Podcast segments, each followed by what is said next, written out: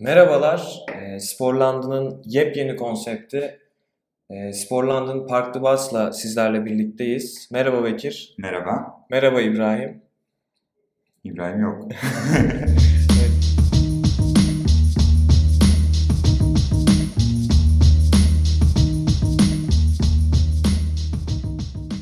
Evet İbrahim bildiğiniz gibi Finlandiya'da Erasmus sebebiyle e, bir yoğunluğu var. O yüzden e, katılamıyor bu hafta. Biz de e, Bekir'le yeni bir konsepte başlayalım dedik. Futbol odaklı.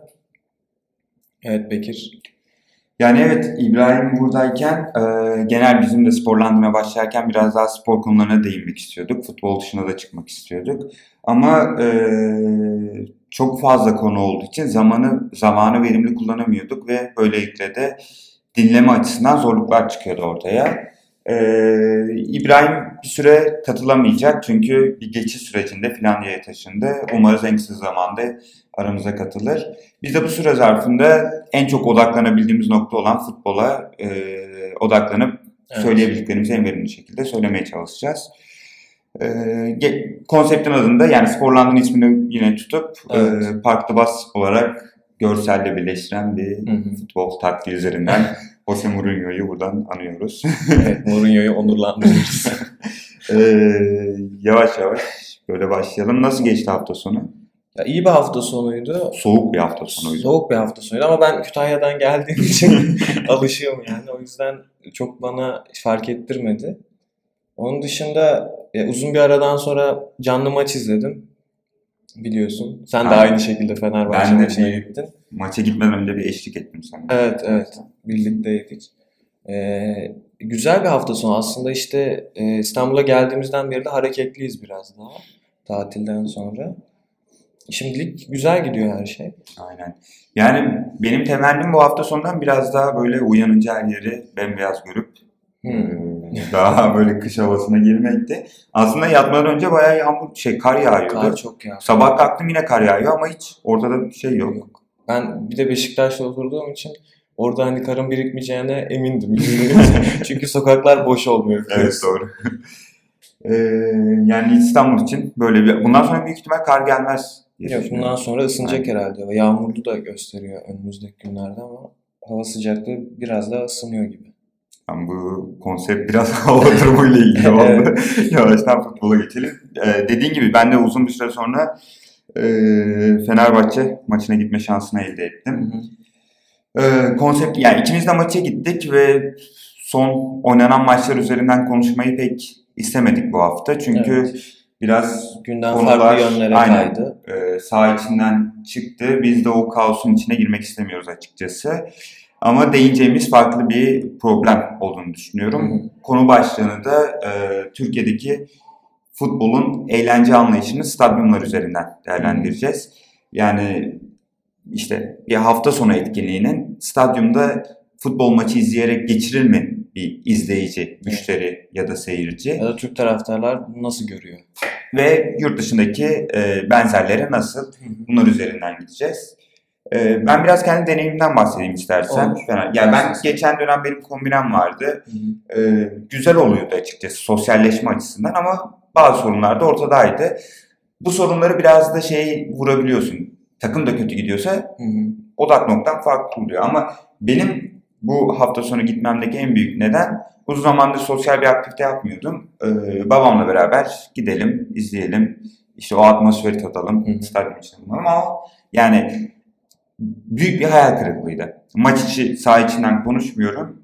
Stadyuma ulaşma, stadyumdaki maç izleme zevki ve oradan eve dönüş evresi. Neden böyle söylüyorum? Çünkü e, artık günümüzde spor farklı bir yere gidiyor. Yani evet. şu an mesela Fenerbahçe idare ekibi cumartesi akşamı bir maç varsa futbol etkinliği stadyumda e, bu idare ekibin rakipleri şeydir. İşte Sine Maksimum olabilir, hı hı. bir alışveriş merkezi olabilir. Başka bir etkinliktir. Yani insanlar artık etkinlik olarak, eğlence anlayışı olarak bakıyorlar olaya.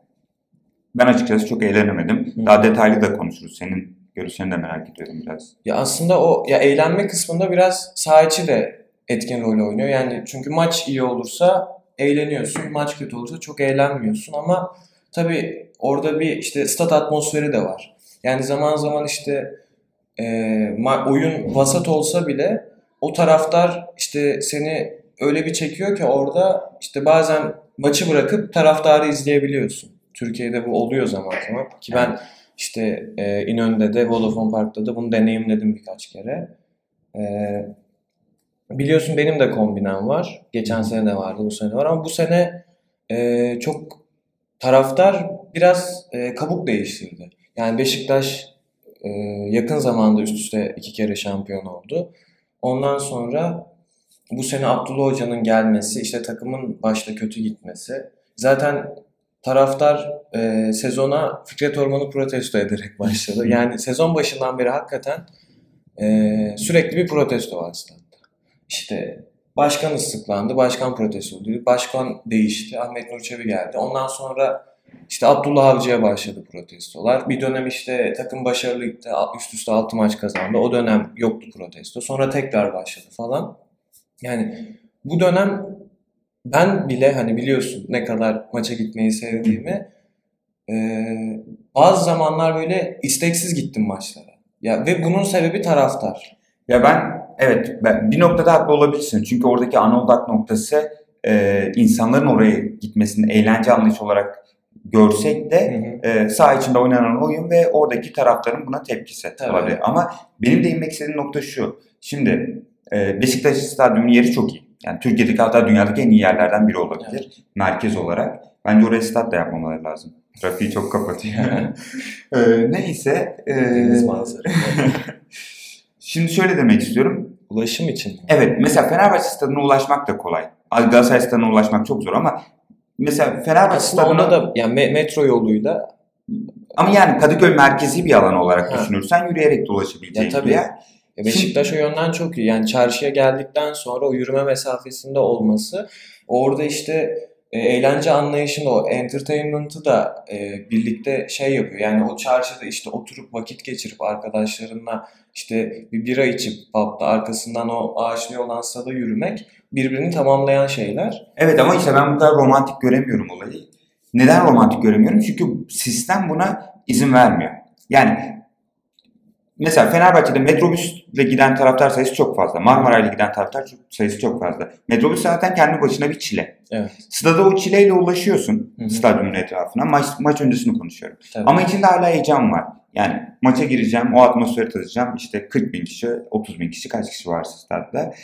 Ee, takım da iyi gidiyorsa inanılmaz bir heyecanlısın. Hı hı. Normalde e, kulüpler eğer kendisini ürün satan birisi olarak görüyorsa ve karşı tarafı da müşteri olarak görüyorsa verebileceğine en iyisini vermesi lazım. Ama ben bir müşteri olarak gidiyorsam oraya, zaten bir bileti 100 lira veriyorsam ben müşteriyimdir artık. Tabii. Yani o taraftarlıktan çıkıyor. Ee, üç kere polis kontrolünden geçmemem lazım. Yani sanki savaşa gidiyormuş gibi ilk kontrolden geçiyorsun. Ardından stadyuma girerken bir kontrol. E tamam bunu da geçtik. Yani stadyumun etrafından şeyinden bahsediyorum. O bilet okuma yeri.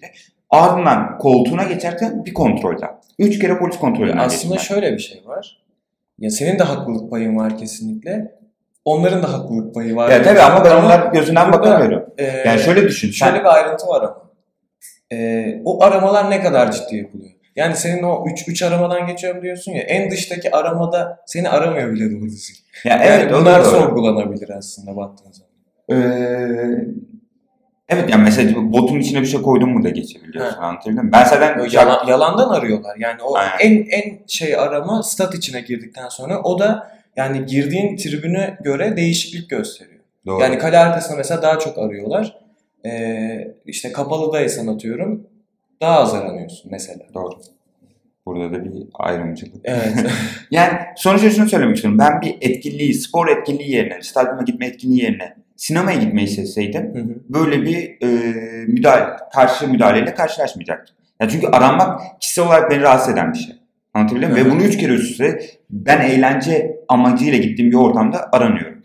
Ardından stadyuma giriş yapıyorsun. E, genellikle kale arkalarında o karmaşıklık oluyor ama bazı tribünlerde de oluyor. E, işte yerini bulma sorunu. Yerini bulsan oturduğun yerin darlığı. Yani daha fazla tür, mesela Beşiktaş stadyumunda biraz daha iyi o. Ee, daha yeni yapılan bir stadyum olduğu için Fenerbahçe stadında daha zor. Maraton alt ve Feneryum alt harici konuşuyorum. Ee, yani oturuyorsun ardından mesela yaklaşık 3 saattir oraya ulaşmak için bir efor sarf ettiğin için doğal olarak susuyorsun. İşte e, bir şeyler içmek istiyorsun. Çıkman imkansız. Çıkamayacaksın yani o birilerini rahatsız etmen lazım. Çıksan da ürün alman imkansız. Çünkü bir tane çaya 7 TL istiyorlar. Tabii. Yani içeride ben de hiç alışveriş yapmıyorum. Yani şöyle bir şey, e, bu dönem işte bir proje üzerinde çalıştığımda Mercedes-Benz stadyumunu şey yapmıştık Atlanta şehrindeki. E, 1.6 milyar dolara yapılmış bir stat. Dünyanın en pahalı stadyumlarından biri. Ve tezat ilişki ne biliyor musun? Amerika'daki adamların gayesi de şu var. Amerika'daki en ucuz işte fast food ürünü satan yer olmaya amaçlıyorlar. Hı. Yani bir hamburgeri 2 dolara alabiliyorsun. Onların alım gücüyle bakınca işte 3 TL'ye denk gelsin gibi Hı hı. düşün. 3 TL'ye su bile alamıyorsun tribünlerde. Ee, ya inanılmaz tezatlıklar. Ardından maçı izlemeye başlıyorsun. Hadi her şeyi boş ver. Yine ana odak noktasına geldin. Maç içinde de hem sisteme bir güvensizlik var. Hem istediğin yani diğer liglerle kıyasladığında e, istediğin oyunu göremiyorsun. Yine bir hayal kırıklığı. Bu sefer dönüş yoluna geçiyorsun. Stadyumdan çıkmak bir dert, stadyumdan çıkıp ulaşım aracına ulaşmak bir dert. Yani bir insanın stadyuma gelmeden önce, stadyuma geldikten sonra ve eve dönüş evresinde hepsinde bir eziyet çekiyor. Kesinlikle. Ya ki burada şey var hani hani gelirken o heyecanla onu o çok zor gelmiyor. Yani maça odaklı geliyorsun ama dönüş hele yani desteklediğin takım puan kaybederse bir de dönüş çile oluyor yani. Aynen. Yani onun için eğer e, kulüpler idare ekibi bir maçı ürün olarak ele alıyorlarsa ki ele almak zorundalar artık bu sistemde yarışabilmeleri için e, bu şekilde olmaması lazım sistemin. Yani eğer ben bir formaya 200 TL para vermek zorunda kalıyorsam en ucuz bilete 100 TL vermek zorunda kalıyorsam yani 100 TL demek birçok insan için Türkiye'de maaşının 20'de biri demek. Tabii canım. Yani bunu çocuğuna da alsa, eşine de alsa 20'de 3'ü. Anlatabildim mi? İnanılmaz bir oran, inanılmaz bir rakam. Ee, eğer bu kadar fedakarlık edip insanlar hala bu sistem yani bu eğlence anlayışını ya da futbol izleme alışkanlığı elde edebiliyorsa bu gerçekten Türkiye'de bir e, futbol sevgisinin olduğunu gösteriyordur. Futbol sevgisi de demek istemiyorum ama işte o futbolun oluştuğu ortamdaki bir Bu İlgiden bahsediyor. İşte maddi anlamda sıkıntıdan dolayı öğrenciler de gelemiyor maçlara genelde.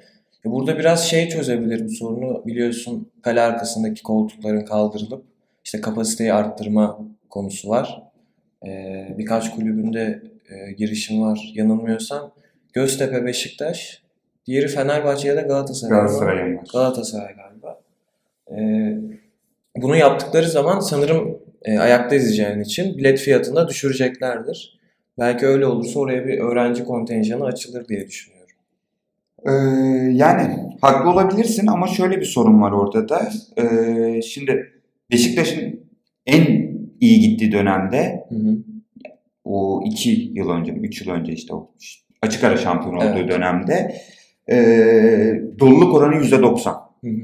Yani bu Galatasaray için 85'e 86'ya denk geliyor. Çünkü stadyum kapasitesi 52 bin olduğu için. Ee, takımlar zaten stadyumu dolduramıyor. Yani doluluk oranı 80'e oynuyorlar. 71. İyi giderlerse 85 maksimum. Anlatabildim mi? Kötü giderse 60'a kadar düşüyor bu rakam. Sen stadyumu tam anlamıyla dolduramazken stadyumdaki şeyi arttırışına gidersen, e, koltuk artışına gidersen bu doluluk oranı azalır. Yani Atletico Madrid mesela Madrid şehrinde e, Real Madrid tutulur. Şehrin dış bölgesinde olan kısım yani daha sosyo, sosyoekonomik durumu daha düşük olan kesim Atletico Madrid tutar. Evet. 75 bin kişilik yaptı herhalde stadyumu. Ee, tam bilmiyorum. Ya büyük bir hata mesela. Hı hı. Anlatabildim mi? Mesela Göztepe Stadyumu çok akıllıca yapılmış. Tabii, evet. Tam şehrin e, ortasında ve takımın potansiyelini ölçüp tasarlanmış bir Hı hı. stadyum. Doluluk oranı %90 olur, 95 olur. Ama Ama- öyle de devam eder muhtemelen. Çünkü Yani Galatasaray'ın-. Stadyumu e, işte şeyle yapan mimarlık şirketiyle aynı yanılmıyorsam. Emirates yapanla. Hı. Zaten dış ve iç görünümü de çok benziyor. E, Emirates gibi şey Emirates'in büyük ihtimal 50 binden fazla 70 bin gibi olması lazım. Emirates gibi artış yaptırabiliyorlar. Yani o potansiyele sahip bir stadyum. Ama bunu yaparsan bir hata olur. Çünkü doluluk oranını kaybedersin. Ya o şeyde Beşiktaş örnek verdim. Beşiktaş'ın taraftar profili de değişti. Tabii. Ya özellikle son dönemde. Ya alım gücüyle alakalı biraz. Aynen öyle. Yani stat zaten yapıldıktan sonra fiyatlar uçtu. Şimdi eski stadyumda İnönü'deyken çok daha düşük fiyatlar hatta yani ücretsiz izleyen bir kesim bile vardı taraftar olarak. E o zaman işte iyi günde kötü günde sürekli o stat doluyordu. Her zaman aynı destek. Ama sen iki sene şampiyon oldun üst üste. Ee, orada bir e, fiyatlar da fazla olduğu için daha başarı odaklı bir taraftar profili gelmeye başladı stada. Sonra takım başarı olarak kötü gidince, e, başarısız olunca stat dolmamaya başlıyor bu sefer. İşte adam oturuyor, işte tezahürat etmiyor mesela. Çünkü o profil değişti. Ya bunu tekrar yakalaması da çok zor. Ben e, ilk başta aslında konuyu biraz da oradan oraya bağlayacaktım. Dedim ya hani son dönemde maça gidesim gelmiyor. Biliyorsun işte Abdullah Hoca protesto edilmesine de ben sinirleniyordum biraz desteklediğim için. O da moralimi bozuyordu. Ya ama yani ne olursa olsun bu hafta mesela maça giderken iyi bir enerjiyle gittim. Çünkü şimdi işte yeni bir hoca gelmiş Sergen Hoca. E, galibiyet almışsın. iyi bir karşılama olacağını biliyordum ve yani uzun süre sonra bütün tribünler birlik içindeydi. Yani evet. Biraz o da ama artırılabilecek çok şey var açıkçası. Tabii tabii. Yani e, Ali Koç ilk başkan seçildiğinde şey demişti işte fanzonlar olacak falan ama yani şey yok. Fanzonu bırak stadın dışında stad yönetimiyle alakalı hiçbir etkinlik yok. Yani insanları orada eğlendirmen lazım senin. O konuda Türkiye'nin genel bir eksikliği zaten evet. Ya bunların yapılması lazım ki çünkü artık e, alınan fiyatlar onlar bunlar çok yüksek seviyeye çıkıyorlar. Hı hı. Bir yerde kendini ayrıştırman lazım. Ayrıştıramazsan yani o ileriye giden artık Avrupa futbolunu yakalaman çok zor bundan sonra. Kesinlikle öyle. Bir de son bu konuyu yavaştan kapatalım. Demek Hı hı. istediğim sen de işte dedin e, taraftar şeyi değişti. Evet taraftar profili Algısı de değişti. İnsanlar şeyi düşünüyor. İşte Pasolik'ten mi gelmiyorlar acaba? Oyun mu kötü? Evet. İnsanlara bir şey veremiyorsun. İnsanlara bir şey verirsen başarısızlıkta da insanlara eğlenmek için gelirler oraya. Hı hı. Öyle Evet, diyeyim. do- doğrusun. Evet. Yavaş yavaş eee, Milano derbisine geçelim istersen. Ne maç oldu ya. Evet kesinlikle. Eee, ilk önce bir genel tarihten bahsedelim. Maç üzerinde konuşmadan. Olur. Derbi tarihinden. Eee, Şey hikayesini biliyor musun bu arada? Ee, Inter yani bu aynı şehrin iki takımı Milan e, ilk önce Milan kuruluyor. Aynen. Evet, evet. Ardından Inter ayrılıyor. Hı hı. Eee, derbi del Madonnina. Burada İtalyanlar böyle söylüyor bu derbi için. Madonnina da Milano'nun simgesi olan Meryem Ana heykelinden geliyor. Eee, ayrıca Il Derbissimo da diyorlar. İtalyanca derbilerin derbisi anlamına geliyor. Ben genellikle Milano derbisi olarak geçiyor diye biliyorum yani. Evet öyle de diyorlar ama bunlar da var. Yani İtalyanlar tarafından kullanılıyor. asıl ismi bu olarak mı? El Clasico gibi. Aynen İtalya. Old El Clasico gibi. biraz daha artık international. Yani herkes kullanıyor ama bu biraz daha herhalde İtalya özelinde. E çünkü çok İtalyanca abi. Onu Evet, söyleyeyim? evet. Doğru. Ee, onun dışında e, o hikayeden bahset istersen biraz. Ya benim e, maç önce birazcık bakmıştık, Hı hı. e, bakmıştım. E, şöyle bir şey. İlk başta Inter kuruluyor. Yok ilk başta Milan kuruluyor. Başta Milan kuruluyor.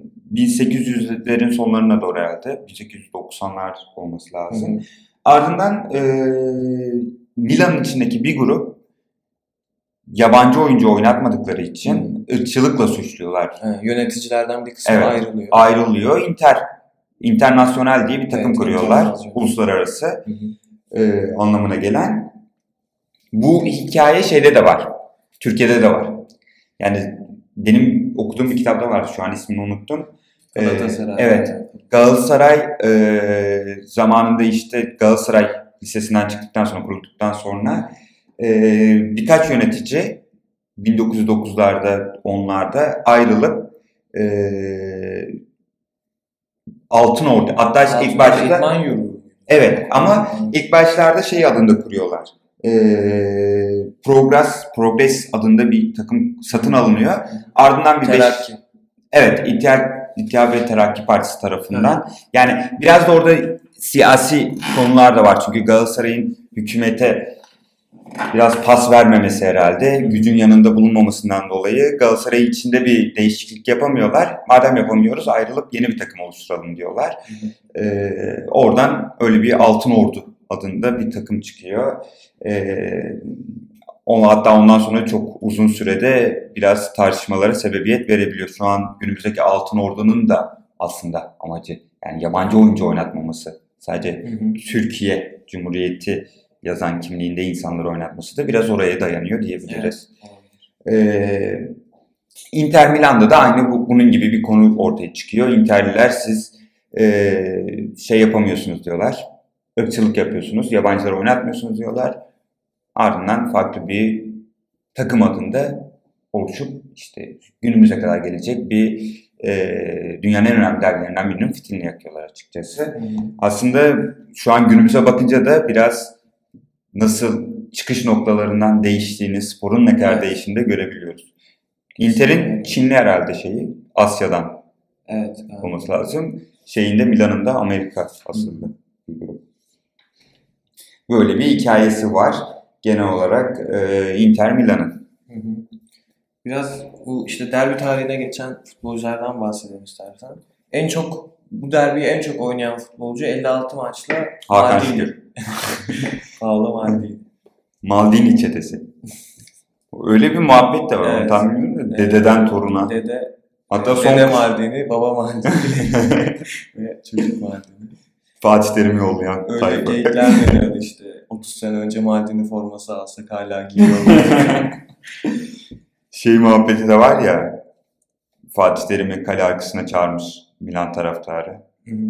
İşte imparator imparator demişler. Hı hı. Sonra baba Maldini'ye sormuşlar. Bu ne iş? Baba Maldini de demiş bizde böyle işler olmaz. 15 gün sonra Fatih Terim'i yollamışlar. Bu da olabilir yani. Onun dışında e, derbide en çok gol atan oyuncu da Shevchenko 14 golle. Burada e, ikinci isim de 13 golle Giuseppe Meazza. Yani bu arada şeyden de bahsedelim. İkisi aynı stadyumda oynuyorlar. Aynen. E, Interliler stadın ismini Giuseppe Meazza olarak kabul ediyor. Milanlılar da San Siro olarak kabul ediyor. Ya bu aynı statta oynamanın Çok renkli bir şey bu evet, dünyada pek Hoş bir örneği olmayabilir. evet.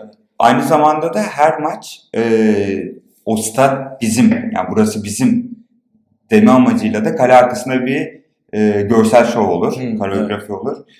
Bu son maçta biraz hayal kırıklığı oldu herhalde. Onu gördün mü? Evet, dedikoducu Ha, Inter anlamına Bır bır yapma gibi falan. Şey altında da şey yazıyor. Kılıbık Inter yazıyor öyle. Biraz e, hayal kırıklığı yani eskiden baktığımızda inanılmaz örnekler var. Evet. Tarihe sanata değinen. Bu son örnek biraz hem seksist olmuş hem de çok basit olmuş. evet çok basit olmuş yani. Hem de en böyle rakibini aşağılayan aynı zamanda da karşı cinsi Evet, yani aşağılayan seksistlikle aşağılamaya çalışan bir pankart. adam gibi adam Milan. Yakışmadı.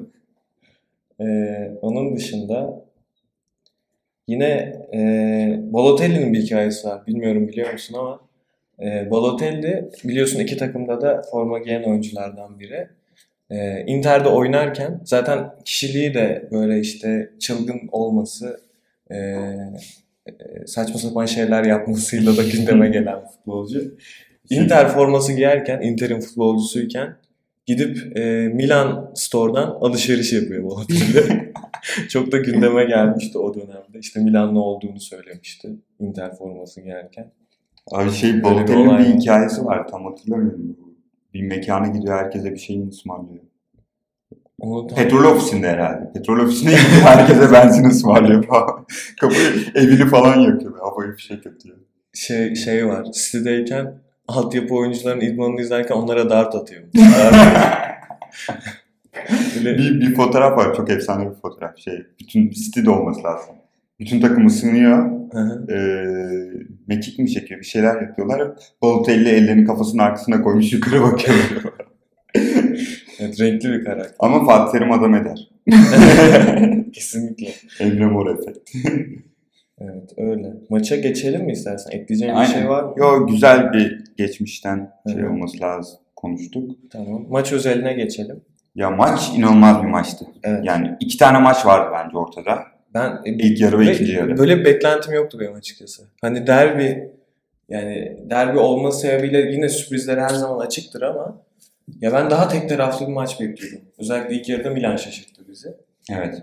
Çok iyi başladılar. Önde pres. Böyle şöyle bir ön yargı var. Şimdi Inter'in ev, ev sahibi olan Inter maçta e, Inter ikinci durumda. İşte Milan alt sıralarda iyi bir gidişat yok vesaire. E, maç başladı. Önde basan Milan, işte geri çekilen Inter.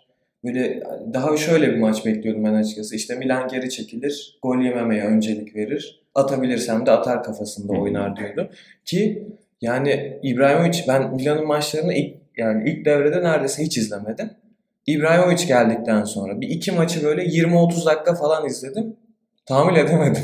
yani gerçekten çok kötü bir takım. Çok yavaş oynuyorlar. İşte atağa çıkamıyorlar. İnanılmaz kısır geçiyor maç. Hani İbrahimovic ayağına top değmiyor doğru düzgün. Çıkamıyor. Evet. Yani birinde işte 30 dakika izleyip kapattım. Birinde 20 dakika izleyip kapattım. O yüzden yani neredeyse hiç beklentim yoktu Milan'dan. İşte İbrahimovic'in olması beni biraz heyecanlandırıyordu. O yüzden yine de Milan'ı destekliyordum. Sonra bambaşka bir maç izledik ilk yarıda özellikle. İkinci yarıda daha bambaşka bir maç yani. yarı yani şey sanki Sürprizlerin sürprizi yani. Milan tek başına çıkmış gibiydi yani. Evet. Bir ara gerçekten söylüyorum Milan'ın e, ne stoperlerini gördüm ne de kendi yarı sahasında top gördüm. Hı hı. Yani Inter çıkmaya çalışıyor ve sürekli ikinci bölgede topu kapıp Milan atağa geçiyor. Hı hı. Yani oradaki sorun da e, Ön bölge, bölgedeki pres inanılmaz iyi. evet çok iyi de orada beklere dikkat çekmek lazım. Sen de Evet, söylemiştin. evet. Theo Evet. Hernandez zaten şöyle bir istatistik vereyim. Takımın en gollüsü konumunda. Sol beki Theo Hernandez 6 golle. Bu arada takımın en gollüsünün sol bekinin 6 golle olması da Zaten ne kadar açıdan bir takım olduğunu gösteriyor gol Evet. Ama işte son zamanlarda o taktiğin en son güncellenmiş taktikte de o beklerin önemi çok fazla yani. Tabii. Yani kesinlikle öyle. Ee, Hakan da bence dün iyi bir performans ortaya koydu. Biliyorsun milli takımdaki performansı da çok eleştiriliyor. Biz de eleştiriyoruz zaten. Ee, ama ben dün kesinlikle beğendim Hakan'ı. İbrahimovic yine damgasını vurdu derbiye. Aynen. Bir gol bir asist 38 yaşındaki Zlatan'dan. Ya oradaki biraz da maç içinde şey e, Milan maça çıkarken şunu kafasında koymuş. Savunmada bütün takım halinde yani zaten pres yapıyorsan öyle yapmak zorundasın. Hı hı. Bütün takım halinde pres yapacağız. Topu kaptığımızda da e, ileride 3. bölgede İbrahimovic'i istasyon olarak kullanacağız. Hı hı. Ki bunun için en güzel isim de İbrahimovic Tabii. diyebiliriz. Boyuyla, fiziğiyle, top kontrolüyle, dağıtmasıyla. E, ikinci bölgede kaptığı toplarla da Milan aynı zamanda e, Hakan Çalhanoğlu'nu kullanarak bir daha teknik kattı ortaya Hı hı. ve teknik açıdan da daha böyle yaratıcı e, ataklar ortaya koyup, koyabildiler. Inter'den daha üstün gibi. Yani düşündüğün zaman şimdi İbrahimovic, Rebic, Rebic e, çok dinamik. Rebic, İbrahimovic, Kesi inanılmaz Hı hı. dinamik bir oyuncu. İşte sol bek Theo Hernandez. Yine e, ortada oynayan e, Ben Nasser miydi? Ben Nasser'di sanırım. Yani çok dinamik bir takım. Ve fiziksel olarak da mesela Inter'in orta sahasına baktığın zaman orta bölgede oynayan adamlar böyle çabuk ama hani daha ufak tefek oyuncular. Size'lı oyuncular değil. Evet. Orada biraz dövdü yani Milan Inter'i ilk yarıda özellikle. Evet. Ya bir de Inter'in kadrosu yani üçlü defans çıkıyor ama Hı hı. maçta beşli defans olmak zorunda kaldı. Çünkü Tabii, defanslar top çıkaramadı. Evet. Ee, yani beşi zaten şeye gömmüş oldu Milan bir anda. Kendi, rakip yarı sahasına 5 oyuncuyu. Farklı bas gibiydi işte Milan.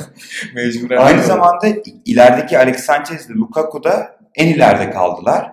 Yani 7 oyuncu off oldu bir anda. Tabii evet. Orta sahaları da kitleyince o dinamizmle senin söylediğin gibi bir anda Inter inanılmaz bir o şey. orta sahası da işte düşük kaldı. O bağlantıyı da sağlayamadılar. Zaten işte e, orada Lautaro Martinez'in olmaması büyük kayıp. Yani Sanchez zaten sene başı alırken büyük umutlarla transfer edildi. Ama işte Lukaku bekleneni verdi. Belki hatta beklenenden fazlasını da veriyor.